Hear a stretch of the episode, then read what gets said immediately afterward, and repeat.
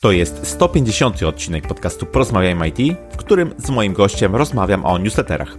Przypominam, że w poprzednim odcinku rozmawiałem o języku Ruby. Wszystkie linki oraz transkrypcję dzisiejszej rozmowy znajdziesz pod adresem porozmawiajmyit.pl łamane na 150. Ocena lub recenzja podcastu w Twojej aplikacji jest bardzo cenna, więc nie zapomnij poświęcić na to kilka minut. Sponsorem dzisiejszego odcinka jest platforma rekrutacyjna Solid Jobs. Jeśli szukasz pracy w IT, koniecznie odwiedź adres solid.jobs. Znajdziesz tam tylko oferty pracy z widełkami wynagrodzeń. Jeśli aktualnie nie myślisz o znalezieniu nowej pracy, to koniecznie zapisz się na Job Alert. Otrzymasz regularne wiadomości e-mail z zestawieniem ofert, które mogą Cię zainteresować.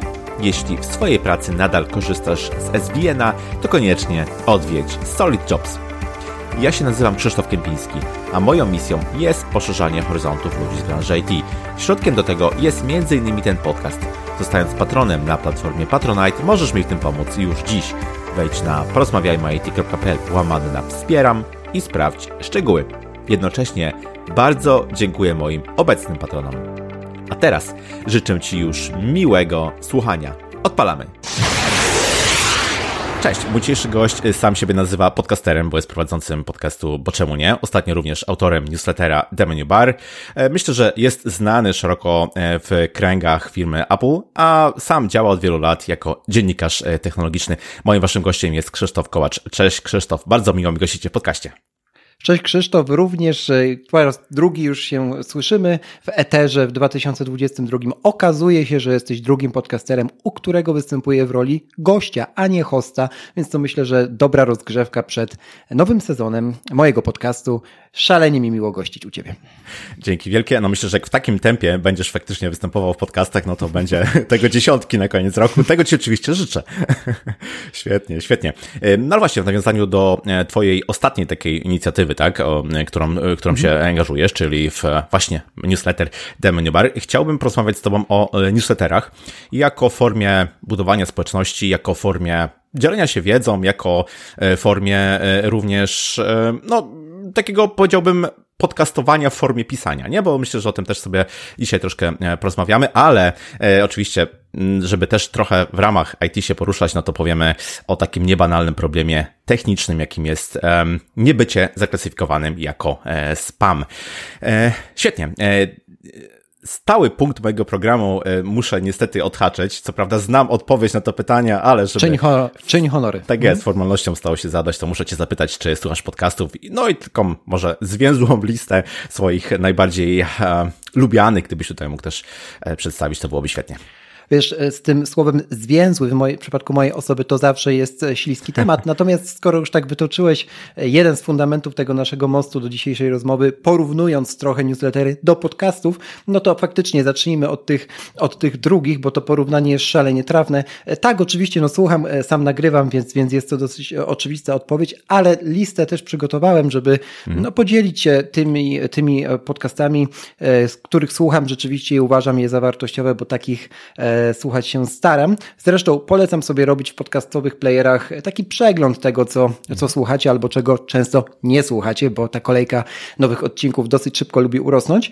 E, ja sobie to robię raz na kwartał, żeby, żeby po prostu wiedzieć intencjonalnie, czemu poświęcam e, miejsce w mojej głowie, jak to w podcastach bywa. Więc idąc po kolei, e, z takich odkryć 2021 roku to na pewno ekonomicznie od Voice House, czyli Rafał Hirsch i, Jarek Kuźniar, mm, myślę, że taki najbardziej przystępny przystępny mm, głosowo, czy też mm, treściowo, bo mówiony do zwykłego człowieka podcast związany z finansami. Mm, gorąco, gorąco zresztą polecam.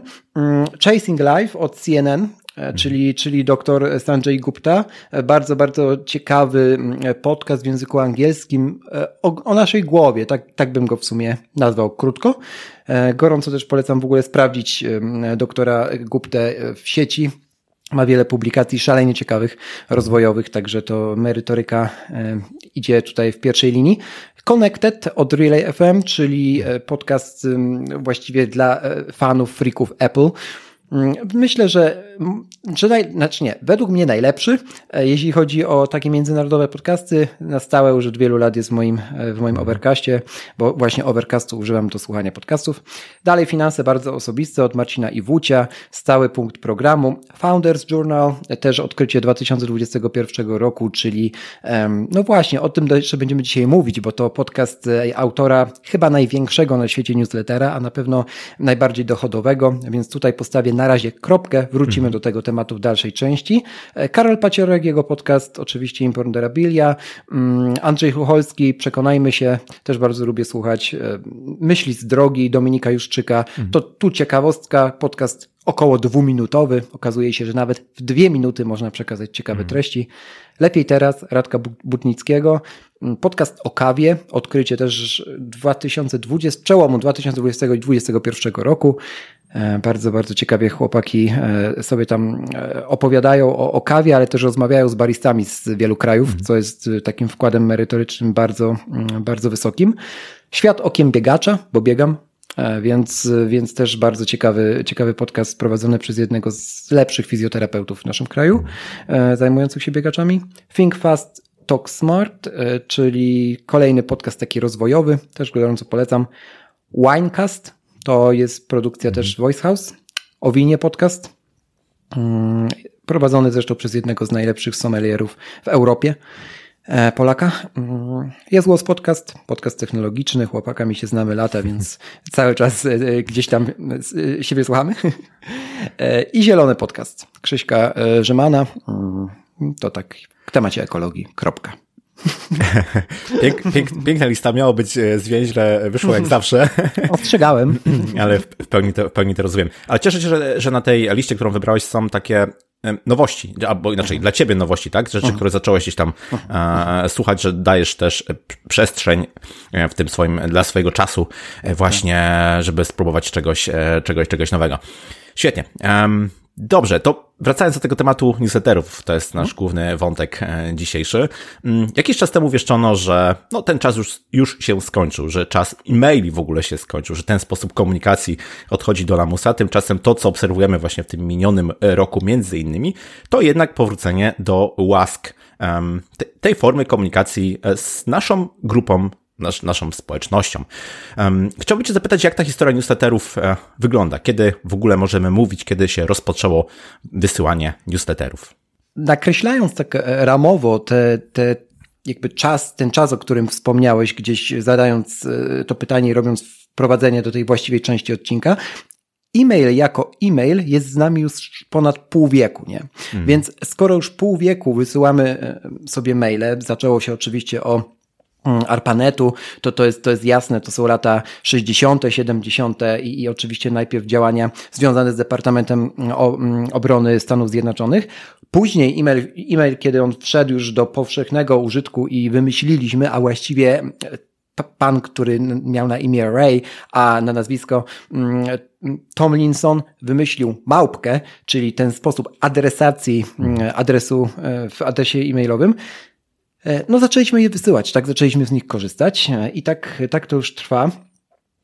I myślę, że romantycznie my cały czas tęsknimy gdzieś z tyłu głowy, z tyłu jakby y, na, na naszego serducha, gdzieś na pograniczu serca i rozumu, za listami, nie? Za, mhm. za, za tym, za tą formą otrzymywania w kopercie, wtedy fizycznej, dziś wirtualnej, um, słów, które ktoś intencjonalnie do nas napisał, bo po prostu napisać chciał, tak? Zaadresował to i od, rozpoczął od imienia, skończył na pozdrowieniach um, i, podpis, i, i, i podpisał się. E, no i właśnie tutaj newslettery znalazły taką idealną niszę, idealną przestrzeń mogłoby się wydawać do połączenia tego świata z wtedy, świata offline ze światem online, którym teraz, teraz żyjemy. Myślę sobie, że ta, ta romantyczność jest tutaj, jest tutaj kluczem. No i właśnie, to co powiedziałeś. Newsletter to taka forma trochę zbliżona do podcastu? No myślę, że tak. Y, dlatego, że tak jak podcast w podcastowym playerze mm, dowolnym, jakiego używacie, czeka na swoją kolej, na naszą atencję, na naszą uwagę, tak e-mail e, w kopercie rozpakowanej czy nie rozpakowanej wirtualnie może sobie spoczywać w inboxie i czekać na właściwy E, dla niego, dla nas czas. Mhm. Świetnie. E, okej, okay, to żebyśmy mieli takie wspólne tutaj rozumienie tematów, to może e, powiedz, jaka jest różnica pomiędzy newsletterem jako takim, a mailami, powiedzmy, tak, marketingowymi, e, transakcyjnymi, mailami, które, które gdzieś tam wysyłamy sobie z różnych e, systemów mailowych. Czy i w ogóle można powiedzieć, że jest taka twarda, ostra różnica pomiędzy tymi pojęciami? No przede wszystkim maile jako maile możemy wysyłać z domen publicznych, tak, do siebie. W sensie ja Krzysztof mogę do ciebie Krzysztofie napisać maila ze swojej skrzynki na Gmailu i generalnie będzie to jednostkowa sytuacja, która się zadzieje i ten, no i, tyle, tu jest koniec historii, nie? Jeśli chodzi o newslettery, to szalenie istotne jest to rozróżnienie, którego ty dokonałeś, czyli pomiędzy mailami marketingowymi a transakcyjnymi.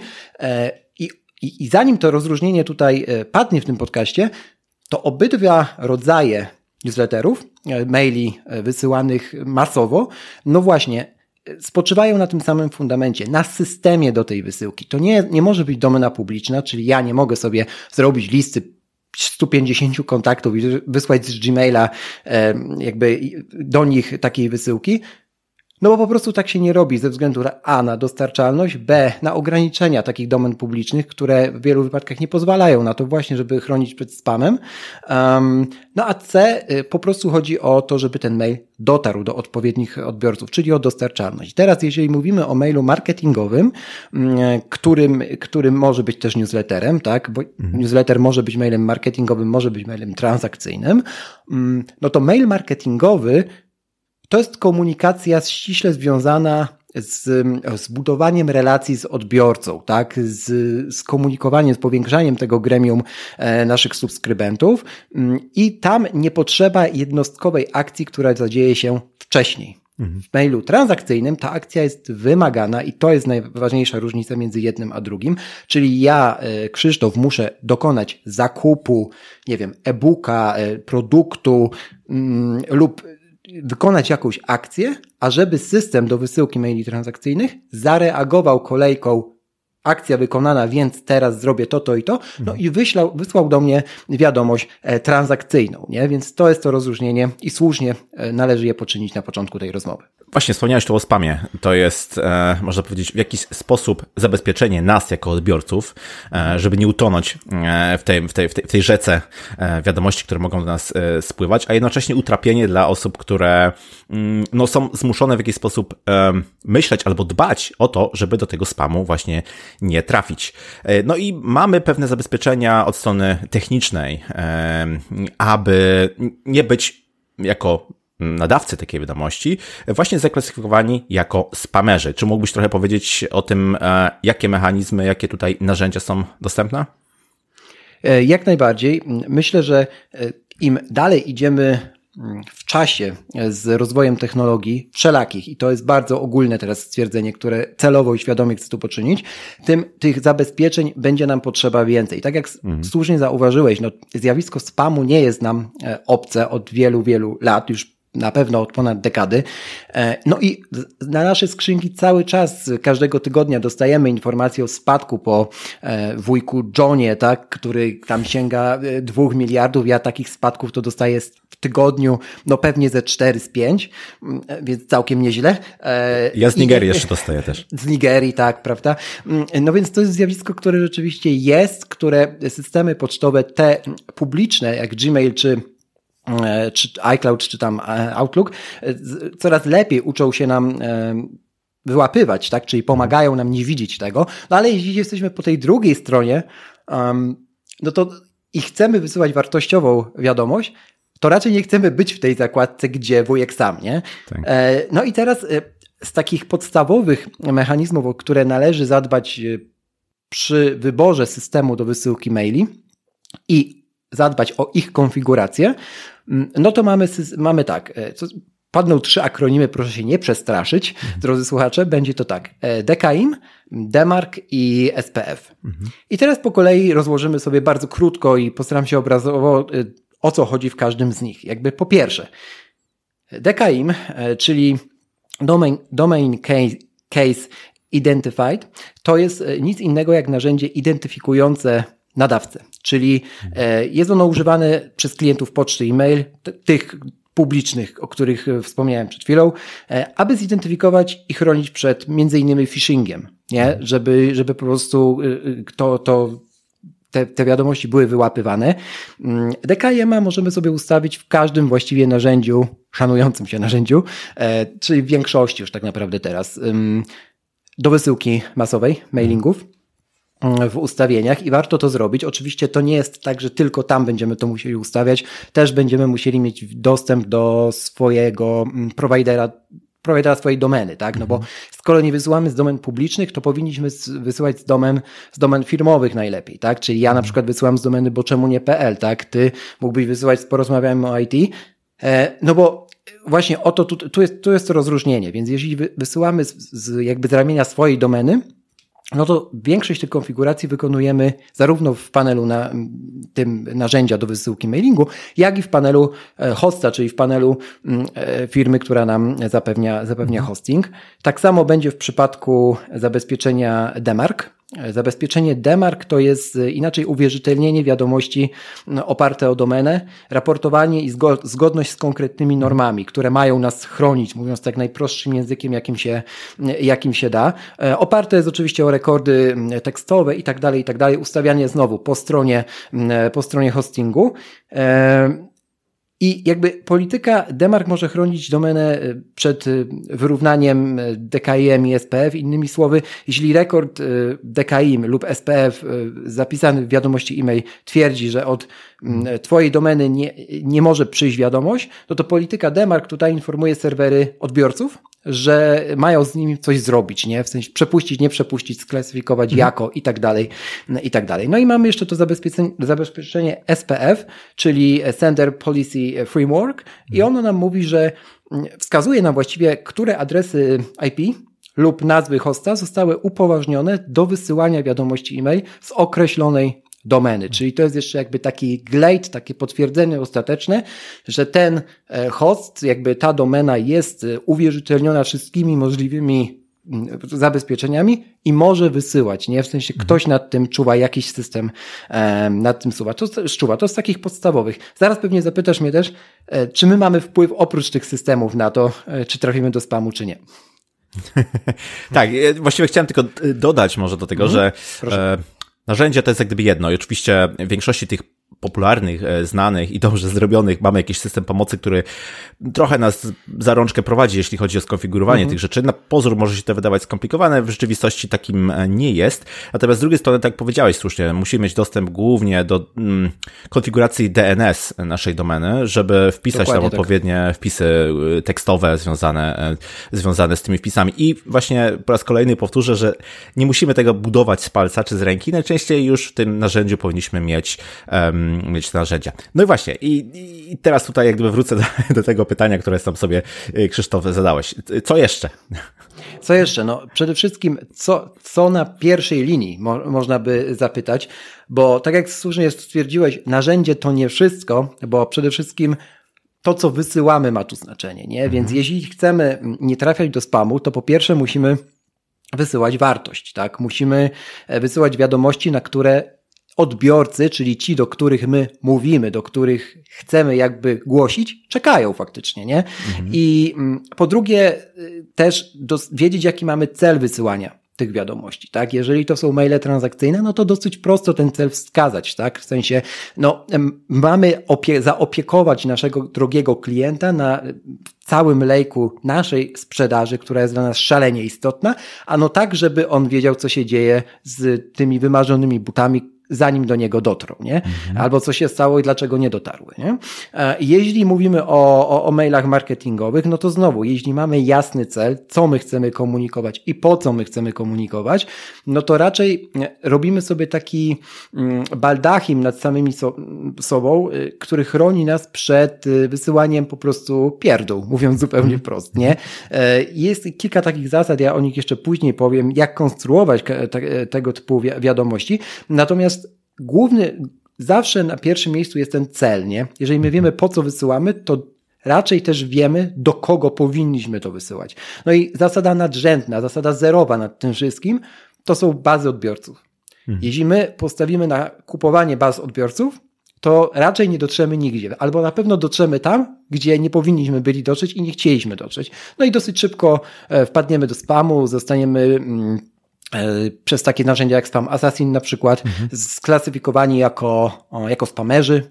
Potem odkręcić to w przypadku konkretnej domeny publicznej, e, domeny prywatnej, z której wysyłaliśmy, jest szalenie, szalenie trudno. Tak, tak. E, ja nieraz widziałem gdzieś tam na, na, na, grupach e, pytania, e, czy problemy właśnie. Nawet to nie były celowe działania, tylko w jaki sposób zaklasyfikowanie poprzez te algorytmy, czy też systemy, które mają nas bronić, zaklasyfikowanie domeny właśnie jako spamerskie, mm. żeby to później odkręcić, no nie jest to naprawdę przyjemne, ani, ani, ani krótki. Tak, no tutaj, ok. trzeba, tutaj mm. trzeba bardzo mocno wtedy współpracować z usługodawcą, czyli tak.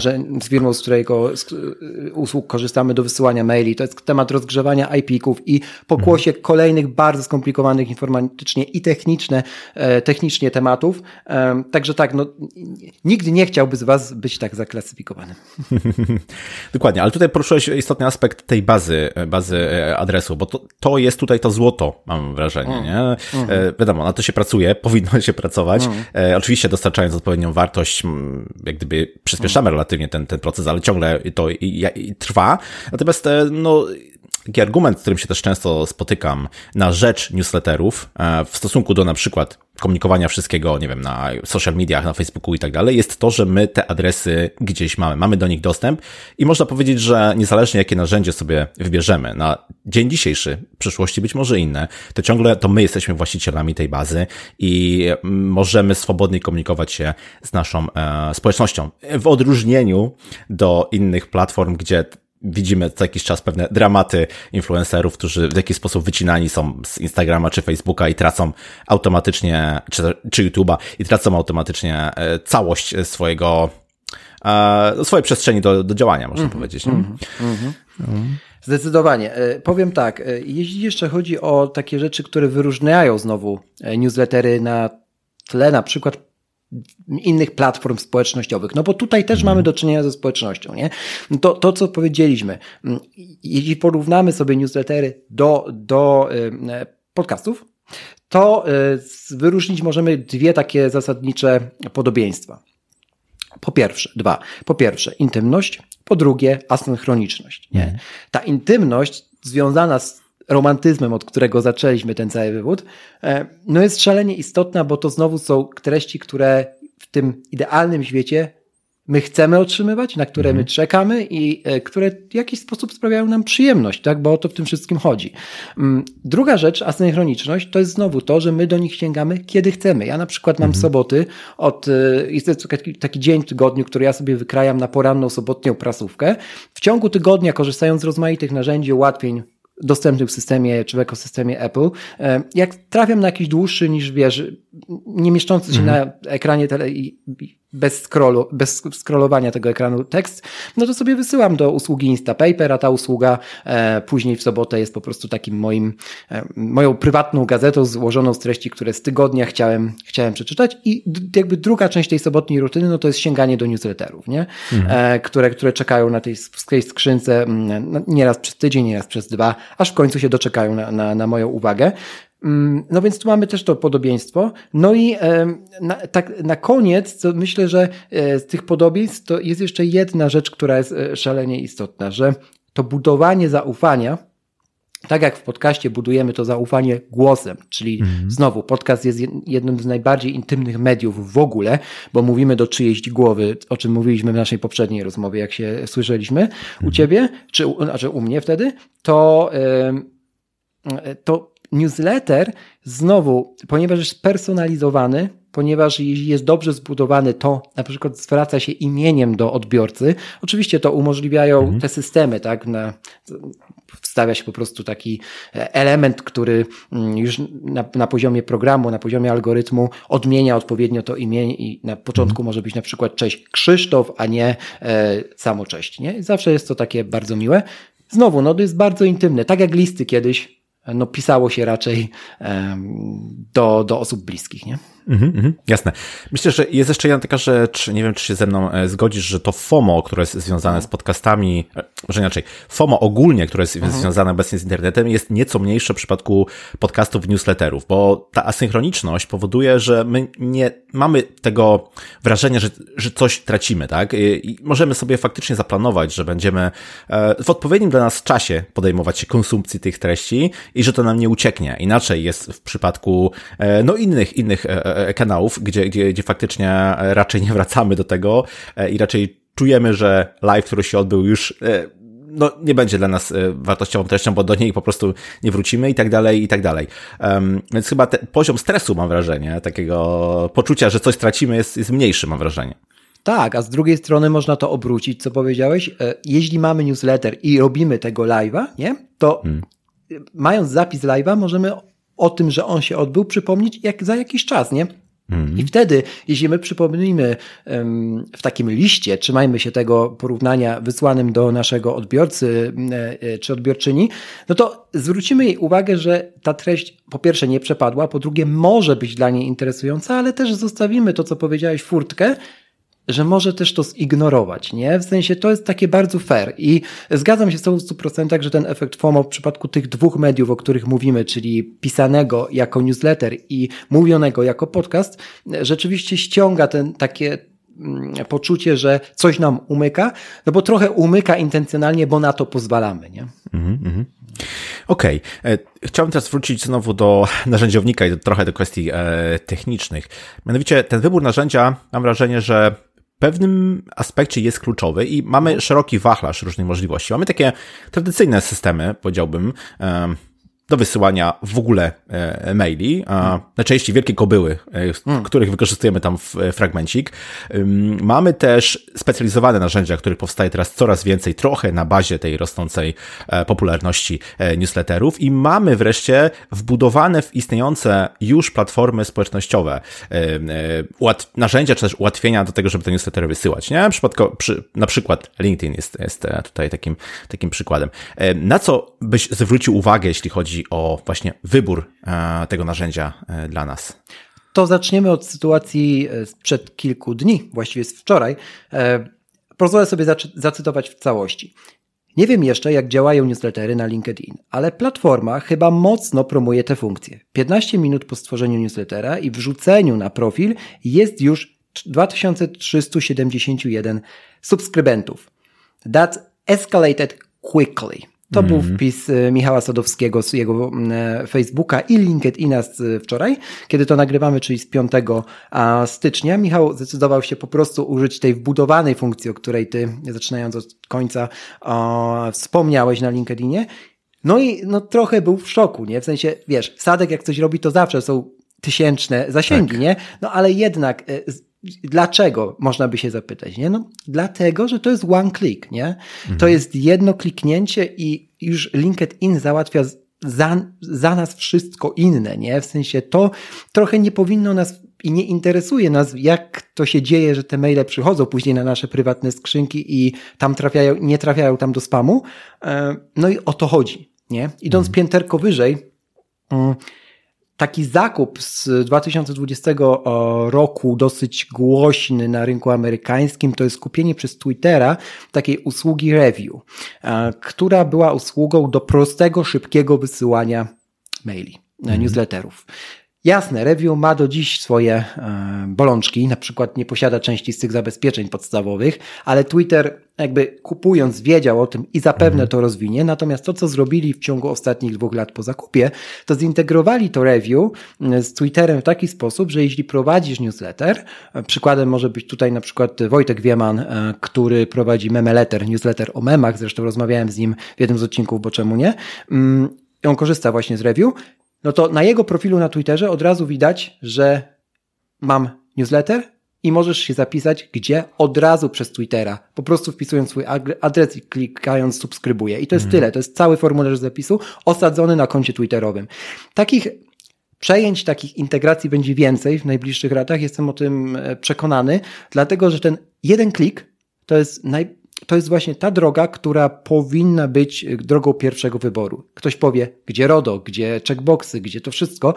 No właśnie, jeśli to jest integracja z dużą platformą, to ta duża platforma, ten duży parasol nad tym załatwia te sprawy, nie? No bo jeśli tam jesteś, to zaakceptowałeś jakieś regulaminy, nie? I, i wiesz, i to, jest, i to jest moim zdaniem proste. Jasne, są też kobyły, jest bardzo dużo tych narzędzi na rynku dostępnych, natomiast ja sobie wyróżniłem na potrzeby tego odcinka takie o, cztery, żeby nie przekłamać, musiałem aż sprawdzić w notatce, cztery mm, mm, mm cechy dobrego narzędzia, według mnie. Mhm. Po pierwsze, maksymalnie prosty user interface, a, czyli podążający za piszącym i uczący się trochę jego zachowań, aby optymalizować środowisko pracy, kiedy, kiedy tworzy.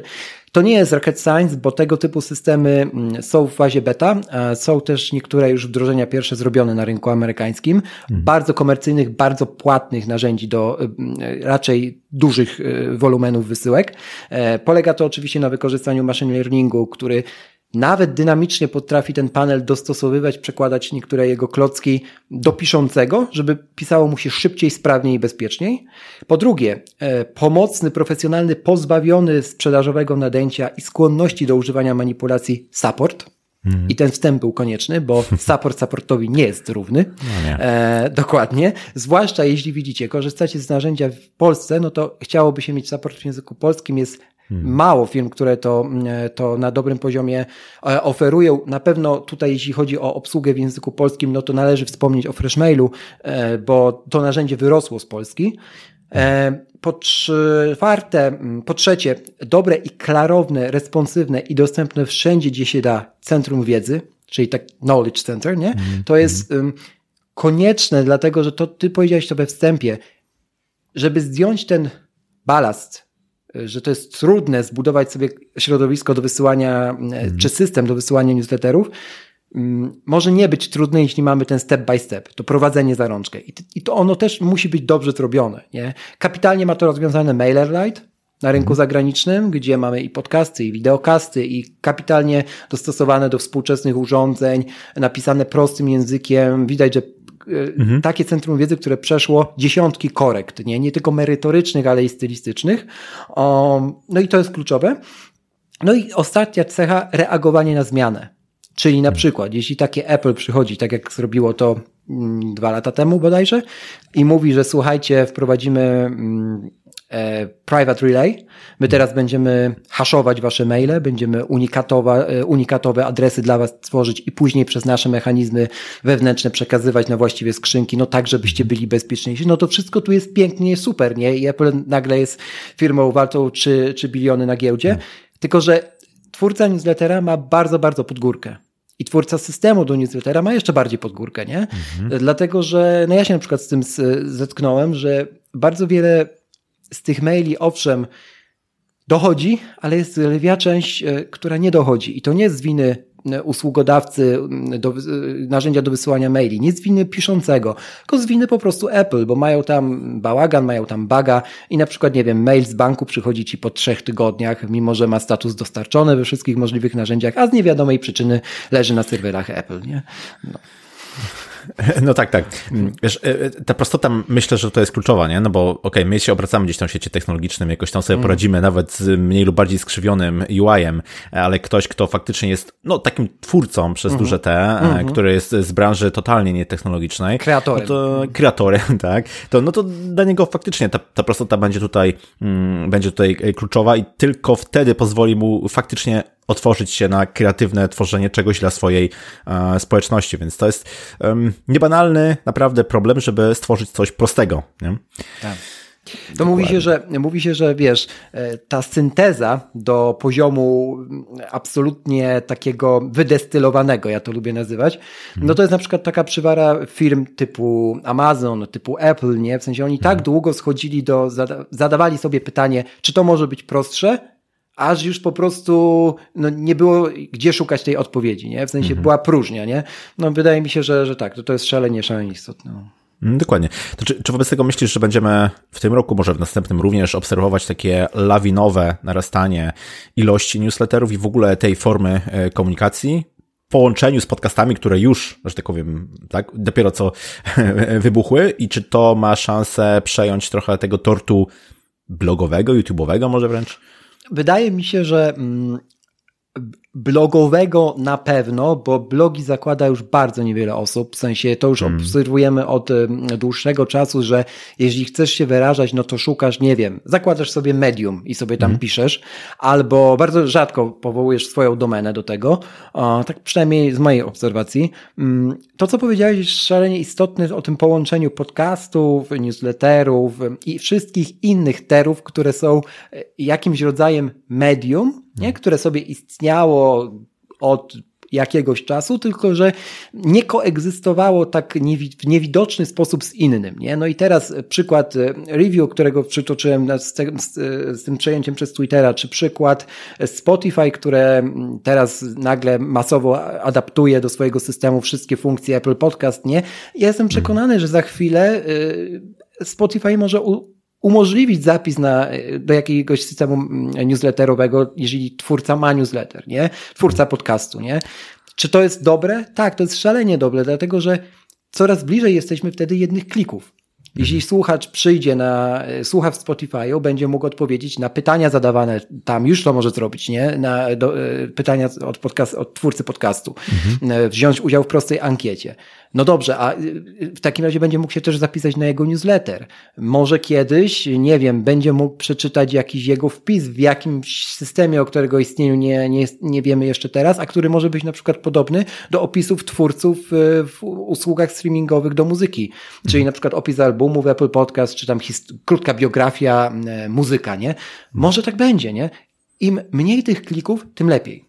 No właśnie, i chyba powoli dążymy, czy podążamy właściwie za tym, co się dzieje w Chinach, gdzie faktycznie tak. jedna czy dwie aplikacje e, zbierają pod swoim parasolem mnóstwo różnych e, usług, ku, wydaje mi się, dobru tak naprawdę użytkowników i odbiorców. E, być może tutaj faktycznie będzie również coś takiego, że różne te kanały medialne, różne te kanały przekazu będą unifikowane przez, przez dużych prowajderów po to, żeby właśnie umożliwić jak najprostsze przechodzenie i żeby to był taki jeden wspólny ekosystem, tak myślę. Tak mi się wydaje, że warto tu wspomnieć o takim modelu, który można też odnieść do tworzenia treści, e, tworzenia na przykład newslettera, ale można hmm. też do jakby do całej branży, do tego, o czym teraz mówimy, do tego łączenia usług, do tej synergii. To się nazywa Conversion e, Centered Design i jakby e, Mówi się tam o takich siedmiu krokach skutecznego kontentu, nie? Tworzenia kontentu. Po pierwsze to jest uwaga, po drugie kontekst, przejrzystość, spójność, wiarygodność, jasny cel i ciągłość. No i jak sobie na to łączenie usług spojrzymy, no to po pierwsze uwagę już mamy przyciągniętą, bo albo ktoś, no widzisz, korzysta z tego medium um, intencjonalnie, no więc już tam jest. Kontekst, jakby korzysta, no bo jest w danym e, fragmencie odcinka na przykład i dostaje ankietę dotyczącą konkretnego tematu, o którym wtedy mowa, przejrzystość, wszystko jest w ramach jednego ekosystemu, mhm. jednej aplikacji, więc nigdzie nie musi wychodzić. Spójność znowu, nie? To jest ten sam twórca, więc zakładam, że tworzy te rzeczy, te pytania, odsyła w te miejsca intencjonalnie. Wiarygodność, dlatego że stoi za tym jedna marka i jeden parasol, więc jak działa mi podcast e, w Spotify, to zakładam, e, po prostu system jeden zakłada, e, pewnie też zadziała usługa do maili, bo czemu mhm. miałaby nie zadziałać, skoro na tamtym mogę polegać. Jasny cel, rozdzielenie, to o czym ty powiedziałeś, to jest do tego, to jest do tego, to jest do tego, ale wraz w jednym jakby, w jednym worku. No i ciągłość, nie? Czyli ta uwaga. Najpierw słuchasz, OK, masz przedłużenie tej treści w newsletterze na przykład, na który możesz się zapisać o tu jednym klikiem, OK, a będąc już w tym newsletterze, nie wiem, możesz się odesłać do kanału na YouTube, nie? Mhm. I, I to wszystko się jakby, wiesz, zazębia. Także no, myślę, że myślę, że tak, taka jest przyszłość. No. Tak, to jest też takie, no nie wiem, łączy mi się to jakoś w głowie, gdzieś tam klika z ogólnie trendem e, Web3, e, mhm, z, z, z, z metaversum i tak dalej, tak? tak? Że, że to wszystko będzie się łączyło, przynajmniej będą te kanały umożliwiające przechodzenie e, z, z jednego miejsca na drugie w sposób dość prosty, albo w sposób taki, który jest dla nas transparentny, nie, niewidoczny. To chyba jest, chyba jest przyszłość. Jestem ciekawy, Krzysztof, dlaczego, albo inaczej, jestem ciekawy, czy to właśnie powodowało tobą, że zdecydowałeś się założyć swój własny newsletter The Menu Bar? No bo wiesz, zaczęliśmy gdzieś tam podcastować w podobnym czasie, to już pewnie tam z 4 lata będzie albo coś takiego. No i wiesz, będzie, będzie, będzie, będzie dokładnie opanowaliśmy w miarę w swoich tam powiedzmy dziedzinach ten, ten, ten skill tworzenia, mówienia w sposób intymny dla naszych odbiorców. Gdzie tutaj się w to wszystko u Ciebie jeszcze pasuje, pasowuje newsletter? Ja po pierwsze chciałem pisać do swoich trochę, e, a uważam, że jeżeli ktoś wpuszcza mnie do e, swojej głowy, e, wychodząc od tego pierwszego medium, czyli od podcastu, to raczej no, będzie też chciał coś przeczytać i to się sprawdza, jeśli sobie zobaczymy na mm, wolumen subskrybentów The Menu Bar, um, sięgający już prawie tysiąca e, osób, y, niedługo po starcie, to jest całkiem spoko wynik. Super. Um, jeśli mówimy o takiej innej motywacji, to jest też nauka fact-checkingu, na hmm. czym chcę się też skupić w 2022 roku, bo żyjemy w takich, a nie innych czasach i um, wiesz, tworząc newsletter e, pogłębiony, czy tworząc newsletter osadzony gdzieś e, koło konkretnego tematu per wydanie, mm, no ten e, ta konieczność researchu czy fact-checkingu właśnie jest jakby obowiązkowa, nie? I to też pokazuje mi i uczy mnie cały czas, że internet nie jest taki, jak się wydaje w pierwszym odbiorze, nie? że mhm. daną informację jednak tu i teraz w tych czasach, o ile naprawdę nie ufamy źródłu, źródłu tej informacji, należy nawet dwa, trzy razy, trzy razy sprawdzić. Jest to gdzieś jakiś taki e, poziom fascynacji ten, u mnie teraz i myślę, że takiej fascynacji, która może raczej więcej dobrego niż złego przynieść, więc tutaj też e, mhm. się uczę cały czas. E, no i te wiadomości też mogą nieść wartość mm, ale nie newsową wartość, czyli taką właśnie wartość odsyłającą, zmuszającą do pogłębienia e, tej wiedzy na własny koszt, oczywiście zostawiając e, furtkę, że ktoś może nie kliknąć w ten link e, i nie pogłębić tej wiedzy. To jest jakby ta mhm. wolność, nie? Mm, no i to były takie główne motywacje, wiesz. To podobieństwo do podcastów nie ukrywam, że też, um, no też tutaj miało dużą rolę. No jasne, jasne, domyślam się. Dobrze, wiesz, myślę, że trochę posłodziliśmy tym newsletterom, e, no ale wiadomo, nigdy nie jest tak, że są same, same plusy. Mhm. Jakie ty widzisz największe bolączki newsletterów teraz i całego tego trendu też, bo myślę sobie, albo obawiam się trochę, że może to się trochę skończyć tak, jak z tymi blogami, gdzie kiedyś każdy zakładał, e, bo to było modne, bo, bo wypadało, bo inni to robili, e, no ale później wiadomo, ta konsekwencja, o której ty powiedziałeś jako jeden z kluczowych elementów faktycznie utrzymania mm, ludzi wokoło newslettera, no e, nie wychodzi, tak, najczęściej. No i mamy cmentarzysko, cmentarzysko blogów w internecie. Czy taka jest przyszłość według ciebie newsletterów? Jak to, jak to prognozujesz? Oby nie, bo musimy zakończyć tutaj optymistycznie, ale dobrze, do, dołóżmy trochę, trochę tej goryczy. Mm, Alex Lieberman, właśnie twórca podcastu Founders Journal i twórca e, e, The, The Morning Brew, czyli tego mhm. największego, o którym wspominałem we wstępie, żeby zrobić klamrę e, newslettera najbardziej dochodowego teraz w Stanach. To jest gość, który założył ten projekt na, na studiach. Nie? W sensie on nie miał, wiesz, nie obudził się mając 7 lat z myślą, że mam misję i wizję życia i to będzie robienie The Morning Brew i nie spędził kolejnych dekad na tym, żeby to robić, tylko po prostu spróbował. I bardzo szybko, o czym mówi w wielu odcinkach, przekonał się jako founder właśnie, że mm, pisanie newslettera to jest po prostu biznes, to jest um, operacja, to jest y, pewnego rodzaju um, firma nie? W mhm. sensie y, to musi być też odpowiednia korekta. Ja w Demeniu Bar mam korektę od pierwszego wydania, e, normalną, y, robioną przez osoby y, zewnętrzne. To jest też znajomość tych systemów układania treści, mm, docierania do, do, do odbiorców. To jest szczerość, która może być dobra, a może być toksyczna, bo jak sobie pozwolimy właśnie na zaglądnięcie gdzieś tam, wiesz, w rejony manipulacji, to odbiorcy bardzo szybko to wy, wyłapią. Dlaczego to wyłapią?